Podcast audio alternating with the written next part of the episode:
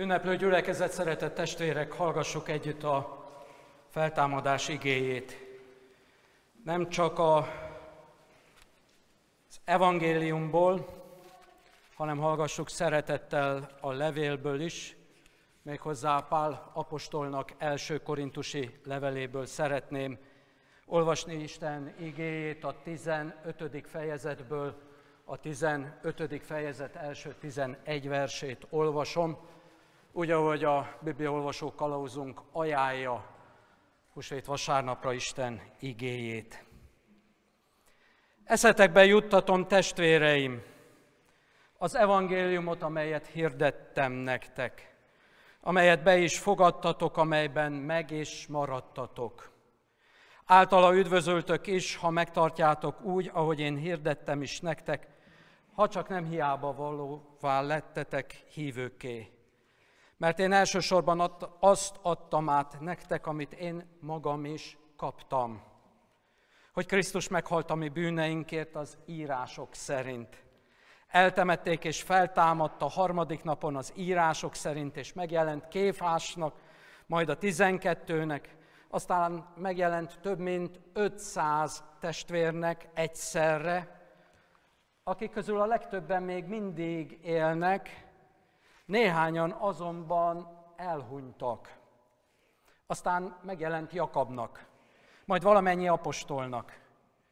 Legutoljára pedig, mint egy torszülöttnek megjelent nekem is, mert én a legkisebb vagyok az apostolok között, aki arra sem vagyok méltó, hogy apostolnak nevezzenek, mert üldöztem az Isten egyházát. De Isten kegyelméből vagyok, ami vagyok és a hozzám való kegyelme nem hiába való. Sőt, többet fáradoztam, mint ők minnyájan. De nem én, hanem az Istennek velem való kegyelme. Azért akár én, akár ők, így prédikálunk, és így lettetek hívőké. Amen. Feltámadást ünneplő szeretett gyülekezet némi iróniával, humorral a husvéti Isten tisztelethez a husvéti nevetés is hozzá tartozik. Kezdem az én mai ünnepi szolgálatomat. Milyen jó, hogy összevesztek annak idején Korintusba. Kedves testvérek, Korintusba veszekedtek, vitatkoztak, hasadás volt, volt ott mindenféle baj, és ebből támadt ez a csodálatos levél. Az apostol nincs jelen, ezért írásba válaszol a felmerült gondokra. A feszültségek között sok minden van, egy párat megemlítek. Ott van a több pártra szakadás, ott az első fejezetekben a pártoskodásról olvasunk. Talán négy párt is van a gyülekezeten belül. Aztán utána a későbbiekben talán valahol a 11. fejezettől kezdődően a lelki ajándékokban sem tudnak megegyezni. Problémáznak, melyik a nagyobb, az igehirdetés, vagy a szeretett szolgálat, vagy az asztalnál való segítségnyújtás. Vitatkoznak, vitatkoznak a lelki ajándékok sokféleségéről. És legvégül, kedves testvérek, azt kell mondani, hogy a feltámadásról is rosszul gondolkoznak. Egyáltalán a következő verset, ha tovább olvasom, kiderül belőle, hogy megkérdőjelezik magát a feltámadás tényét, Krisztus feltámadása után 30-40 évvel. Mindezek együttesen kényszerítik az apostolt, hogy tollat ragadjon, és megírja az első korintusi levelet amelynek tartalmát nagypéntek és húsvét közé helyezi. Az első fejezetben mindjárt a nyitánykor beszél a kereszt bolondságáról, a megfeszített Jézust Krisztust helyezi középpontba. A 15. fejezetet a régi fordítás szerint így kezdi, hogy továbbá. Még egy kicsit ráadásként a feltámadásról is szól. Ráadásképpen itt van a feltámadás. Az egész levél üzenete és tartalma nagypéntek és húsvét kettősségek között helyezkedik el. Nagypéntek és húsvét úgy kapcsolódik láncszemként, mint ige szakaszunk két szava. Meghalt és feltámadt. Kedves gyülekezet, kedves testvérek, azok, akik esetleg fanyalognak, hogy a mai igehirdetés központjában nem egy szép evangéliumi feltámadás történet, ige szakasz áll, azok számára szeretném jelezni, hogy a most felolvasott ige szakasz ismeretünk és tudásunk szerint a legkorábbi igehely Krisztus feltámadásáról.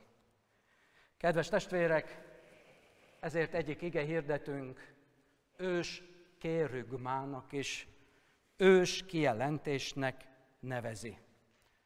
Ez előbb leíródott, mint ahogy Máté, Márk, Lukács és János az evangéliumi feltámadás történeteket leírta. Ebben a rövid néhány mondban, mondatban benne található az apostoli hitvallás magva. Ezt olvastam. Krisztus meghalt a mi bűneinkért az írások szerint. Eltemették, és ugyancsak az írások szerint feltámadt a harmadik napon. Ma úgy gondoljuk, kedves testvérek, hogy ez egy jeruzsálemi vagy szírmondat, amely alapját képezi az apostoli hitvallásunk magvának. Néhány pillanat múlva, amikor az urvacsorai közösséget elkezdjük, mindannyian egységesen mondani fogjuk, harmadnapon feltámadt a halottak közül. Kedves testvérek, ez a mondat az apostoli hitvallás közepéből hangzik fel. Oda is való. Itt és most hitünk közepénél, hitünk magvánál állunk. Az első üzenet tehát, amit a szívedre szeretnék helyezni, nagyon egyszerűen így hangzik evangélium. És ezt az evangéliumot most két szóba sűrítjük össze, ahogy teszi Pálapostól, meghalt és feltámadt. Ez az első és legfontosabb. Jézus Krisztus áll az események központjába. Mi megérkezhetünk a husvéti feltámadáshoz úgy, mint az asszonyok. Illatszeres fiolákkal, gyolcsal és kérdésekkel kisegít elhengeríteni a követ. Kisegít abban, hogy Isten és én köztem minden távolság szakadék megszűnjön. Kisegít abban, hogy a végső tisztességet megadjuk a názáreti Jézus testének. Végérvényesen múltá tenni a Jézus eseményt, és a végső tisztességet megadni.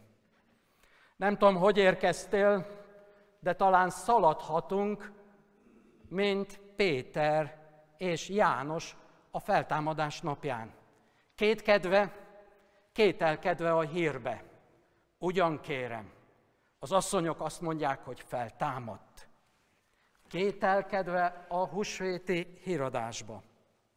Kedves testvérek, nem én mondom az apostol, lehetünk olyan idétlenek, olyan tors szülöttek, későn születettek, ahogy Pál magáról beszél, kereshetjük, üldözhetjük még ma is a kereszténységet, nem csak Damaszkuszba, hanem akár Hódmezővásárhelyen, hogy azután ne a feltámadással, hanem magával a feltámadottal találkozhassunk életünk útján. Lehetünk egyszerűen olyanok, mint a korintusiak, akik pál idejében úgy vélekednek, hogy nincs is halottak feltámadása. Vagy, kedves testvérek, lehetünk egyszerűen hétköznapi mai hódmezővásárhelyi emberek, akik hozzák a fájdalmukat, fáradtságukat, életük gondjait, betegségeit, terheit, de ezeket mind a sír előtt az ösvény szélén le kell tenni. A sírhoz vezető ösvény szélén kell mindent hagyni, mert a főszereplő nem mi vagyunk. Ki kell engedni az események irányítását a kezünkből, a szívünkből, az értelmünkből. Nem csak a sír válik üressé húsvét vasárnapon, hanem a sírhoz érkező embernek is meg kell üresítenie magát, mert a főszereplő Jézus Krisztus.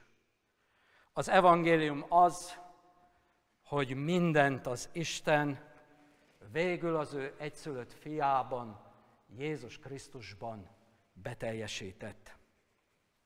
Kedves testvérek, ma ezt az evangéliumot a legtöbb magyar igehirdető Krisztus eseménynek nevezi. Nagypénteken Krisztus megaláztatásában az Istenről van szó. Húsvétban Jézus Krisztus személyében az ember magasztaltatik fel. A halál, az elmúlás, a sír végérvényesen az ember háta mögött, és nem előtte, hanem háta mögött van. Mégpedig úgy, hogy azt csak fedetlen arccal szemlélni tudja. Ezért ő nem tud semmit sem tenni, mert Isten visz végbe az ember megváltásáért mindent, az ember életének megváltoztatásáért. És most a te számodra és én számomra, amit Pálapostól úgy vett és adott tovább, amit én úgy vettem és adok tovább az ő szaván keresztül. Meghalt és feltámadt. A kettő szorosan együtt Isten kegyelmét és irgalmát fejezi ki. Kedves testvérek, itt most nincs idő azzal, hogy törődjünk, hogy a feltámadással kapcsolatban milyen téves elképzelések alakultak ki az évszázadok során. Rengeteg. Az én feladatom csak egész erő, egyszerűen arról a valóságos Krisztus eseményről szólni, amit az apostol evangéliumnak nevez. Nem kell őt a mennyből lehozni, nem kell érte a sírba bemenni, csak fedetlen arccal szemlélni a végbe ment eseményt. Kedves testvérek, ez az első üzenet. Evangélium. Meghalt és feltámadt. Csak is ezek után másodszorban foglalkozhatunk a magunk személyével. És tehetjük fel ezt az igen egyszerű kérdést, hogy egyáltalán ott vagyunk-e a feltámadást követően. Nagyon boldog vagyok, hogy ilyen sokan együtt lehetünk. Nagyon boldog vagyok, hogy az Ótemplom harangja ilyen messze elhallatszott, és ilyen sokakat elhívott ide a templomba. De azért legyünk őszinték, egyáltalán eljutunk a feltámadásig. Nem lehetünk-e azok az írástudók, akik nagypénteken ott a kereszt tövében némi gúnyolódás után fölszállnak a szamaraik hátára, és hazatérnek Jeruzsálemi palotáikban. Nem lehetünk-e azok a katonák, akik ott kockáznak Jézus Krisztus keresztje alatt, majd a halált követően visszatérnek Helódes palotájába, és eliszogatva folytatják az életüket. Isten igéje tőlem ezt kérdezi, hogy egyáltalán eljutunk-e húsvét hajnalához, vagy valahol megakadunk azt megelőzően. Nem mindenki érkezik meg húsvéthoz. Az evangéliumról szóló rövid híradást követően Pálapostól ebben a 12 versben középre helyezi a tanukat. Felsorolja őket szépen sorban A feltámadás következő lépése, hogy ugyan megüresedve, Krisztus keresztjébe fogozva, semmit nem hozva, de ott lehetünk. A felsorolás így hangzik. Megjelent Kéfásnak, majd a tizenkettőnek.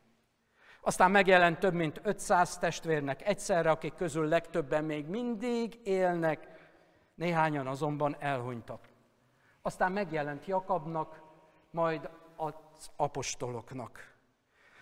Tőkés István Kolozsvári újszövetséges teológus nagyon szépen bontja ki ezt a sorrendet. Én csak összefoglalva a lényeget mondom. Itt mindenki, itt van, aki számít. Itt van a tagadó ember Kéfás személyébe, talán ezért a régi név, hogy megtagadta Krisztust. Ott van a kiválasztott 12, de nem csak ők vannak ott. Kedves testvérek, az egyén mellett ott van a teljes közösség is. Csak ezen a helyen halljuk a 3000 ember megtérését megelőzően, követően van 500 atyafi, akinek egyszerre jelent meg Jézus Krisztus. Ez a közösséget, az Anyaszent Egyházat fejezi ki. És végül megemlíti egészen személyesen Jakabot is, aki minden valószínűség szerint Jézus Krisztusnak vér szerinti testvére, aki eleinte távol lévő, eleinte inkább kételkedő, majd a jeruzsálemi gyülekezetnek vezetője lesz. Ő benne megjelenik a család. Ahogy sokan mi közülünk is. Nem egymaguk, hanem családjaik, szeretteik sokaságával érkeztek ide. Kedves testvérek, ők a tanuk. Először tanukra van szükség, és nem a, ez nem a kiválasztottakat jelöli, hanem, hagy mondjam így, hogy szinte bárkit, de nem mindenkit. Nincsen benne az egész társadalom. Nem a mennyei Isten tiszteleten vagyunk a jelenések könyvében, hanem csak némelyeknek adatik meg a feltámadás öröme. Elsősorban azoknak, akik keresik a vele való kapcsolatot. Az asszonyok, Péter, János. De Pál esetében ez sem helytálló, hiszen üldözte későn szülöttként a keresztjéneket. Mégis a feltámadás emberre vonatkozó első lépése a tanúságtétel. Kedves testvérek, milyen jó, hogy nem első osztályú emberek. Nem szuperhívők. Nem szuperkeresztjének azok, akiket itt olvasunk. Nem ezek a feltámadottal találkozó első emberek, hanem csak emberek, akik látják az előttük végbe menő Krisztus eseményt. Kedves testvérek, itt meg szeretnék állni egy pillanatra, mert én is az az ember, az a tanítvány vagyok, aki szintelenül csak tevékenykedik. Isten igéje bátorít pedig bennünket arra a biztonságra, hogy életünk kulcsfontosságúnak tűnő pillanataiban is szabad megállnunk, és szemlélnünk a feltámadás végbe menő eseményét. Különösen akkor, ha baj van. Különösen akkor, ha nehézségekbe, életveszedelembe kerülünk, és úgy érezzük, hogy minden áron cselekednünk kell. Cselekednünk kell, hogy elkerüljük a halált. Nos, ez, kedves testvérek, az élet természeti törvénye. De itt megszólal a kegyelem evangéliuma. A kegyelem evangéliuma pedig cselekszik. A halállal szemben az élet győzedelmeskedik. Kedves testvér, az élet legnagyobb öröme az Isten kegyelmét fölfedezni a feltámadás örömében. Kedves testvérek, ezt követően a harmadik üzenet már magával, Pállapostollal, és személyesen te veled akar foglalkozni. A feltámadást megerősítő fejezet első szakasza Pál apostollal zárul le. Nagyon őszinte vallomást mond, Neki is megjelent a feltámadott a damaszkuszi úton, és megváltoztatta az életet. Nem látott egészen Damaszkuszig, én hagyd tegyem most bátran hozzá, hogy lehet, hogy nem is hallott egészen Damaszkuszig. Ez mutatja a tanúságot. A feltámadás vaksággal, süketséggel kezdődik. Az embernek ez az első feladata, hogy ne szóljon, ne beszéljen és ne cselekedjen, csak hagyja, hogy az Isten cselekedjen. Ő ilyen tanúja volt a feltámadottnak. De a fel, úgy tűnik, hogy a feltámadás eseménye nem csak ott akkor az első húsvéton ment végbe, hanem később is. És itt jön a lényeg, nem csak kívülről szemléli az ember, hanem a feltámadás eseménye önmagában és ő benne is végbe megy. Azaz, kedves testvérek, a második lépés így hangzik, hogy tanúság, a harmadik lépés pedig így hangzik, hogy a tanúból tanítvány lesz. Pálapostól igaz módon írja le, hogy bár a többiekhez képest későn, nehezet születettként érkezett meg a tanítványok táborába, de ott van, és többet tett, mint az összes 12 együttesen. Az egyház történet ezt vissza is igazolja mindannyiunk számára. Igaz, amit az apostol őszintén és tisztán megval. Pál apostolból, de az összes feltámadás tanújából tanítvány lesz. Szolgálat tevő. Ugyanis a feltámadás nem csak kívül megy végbe, hanem belül is. A szolgálattevő pedig fut, szalad vissza embertársaihoz, és viszi a jó hírt. Pálapostól nagyon szépen jelzi ezt az átadás, átvétel folyamatát. Én is úgy vettem majd. Néhány perc múlva a kollégám mondja az úrvacsorai eh, eh, liturgiában, hogy az úrtól vettem, amit átadtam. Itt is fölhangzik, hogy eszetekbe, eszetekbe juttatom az evangéliumot, amit én a testvérektől vettem.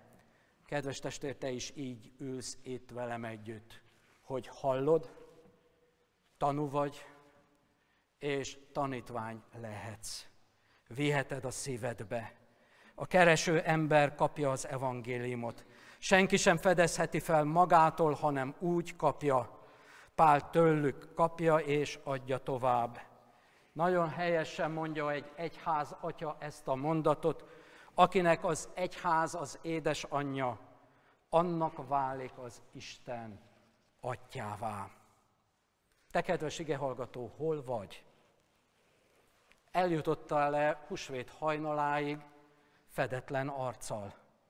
Szemléled-e a Krisztus feltámadását, és hagyod, hogy az végbe menjen itt és most, 2000 évvel később. Kívülről, mint egy foci meccset, drukkerként nézed végig a halál feletti diadalt, vagy hagyod, hogy a Krisztus esemény szívedbe, lelkedbe és a cselekedeteidbe végig menjen. Hallod-e az egyház szavát? 2000 év óta feltámadt az Úr. Bizonyal feltámadt. Amen.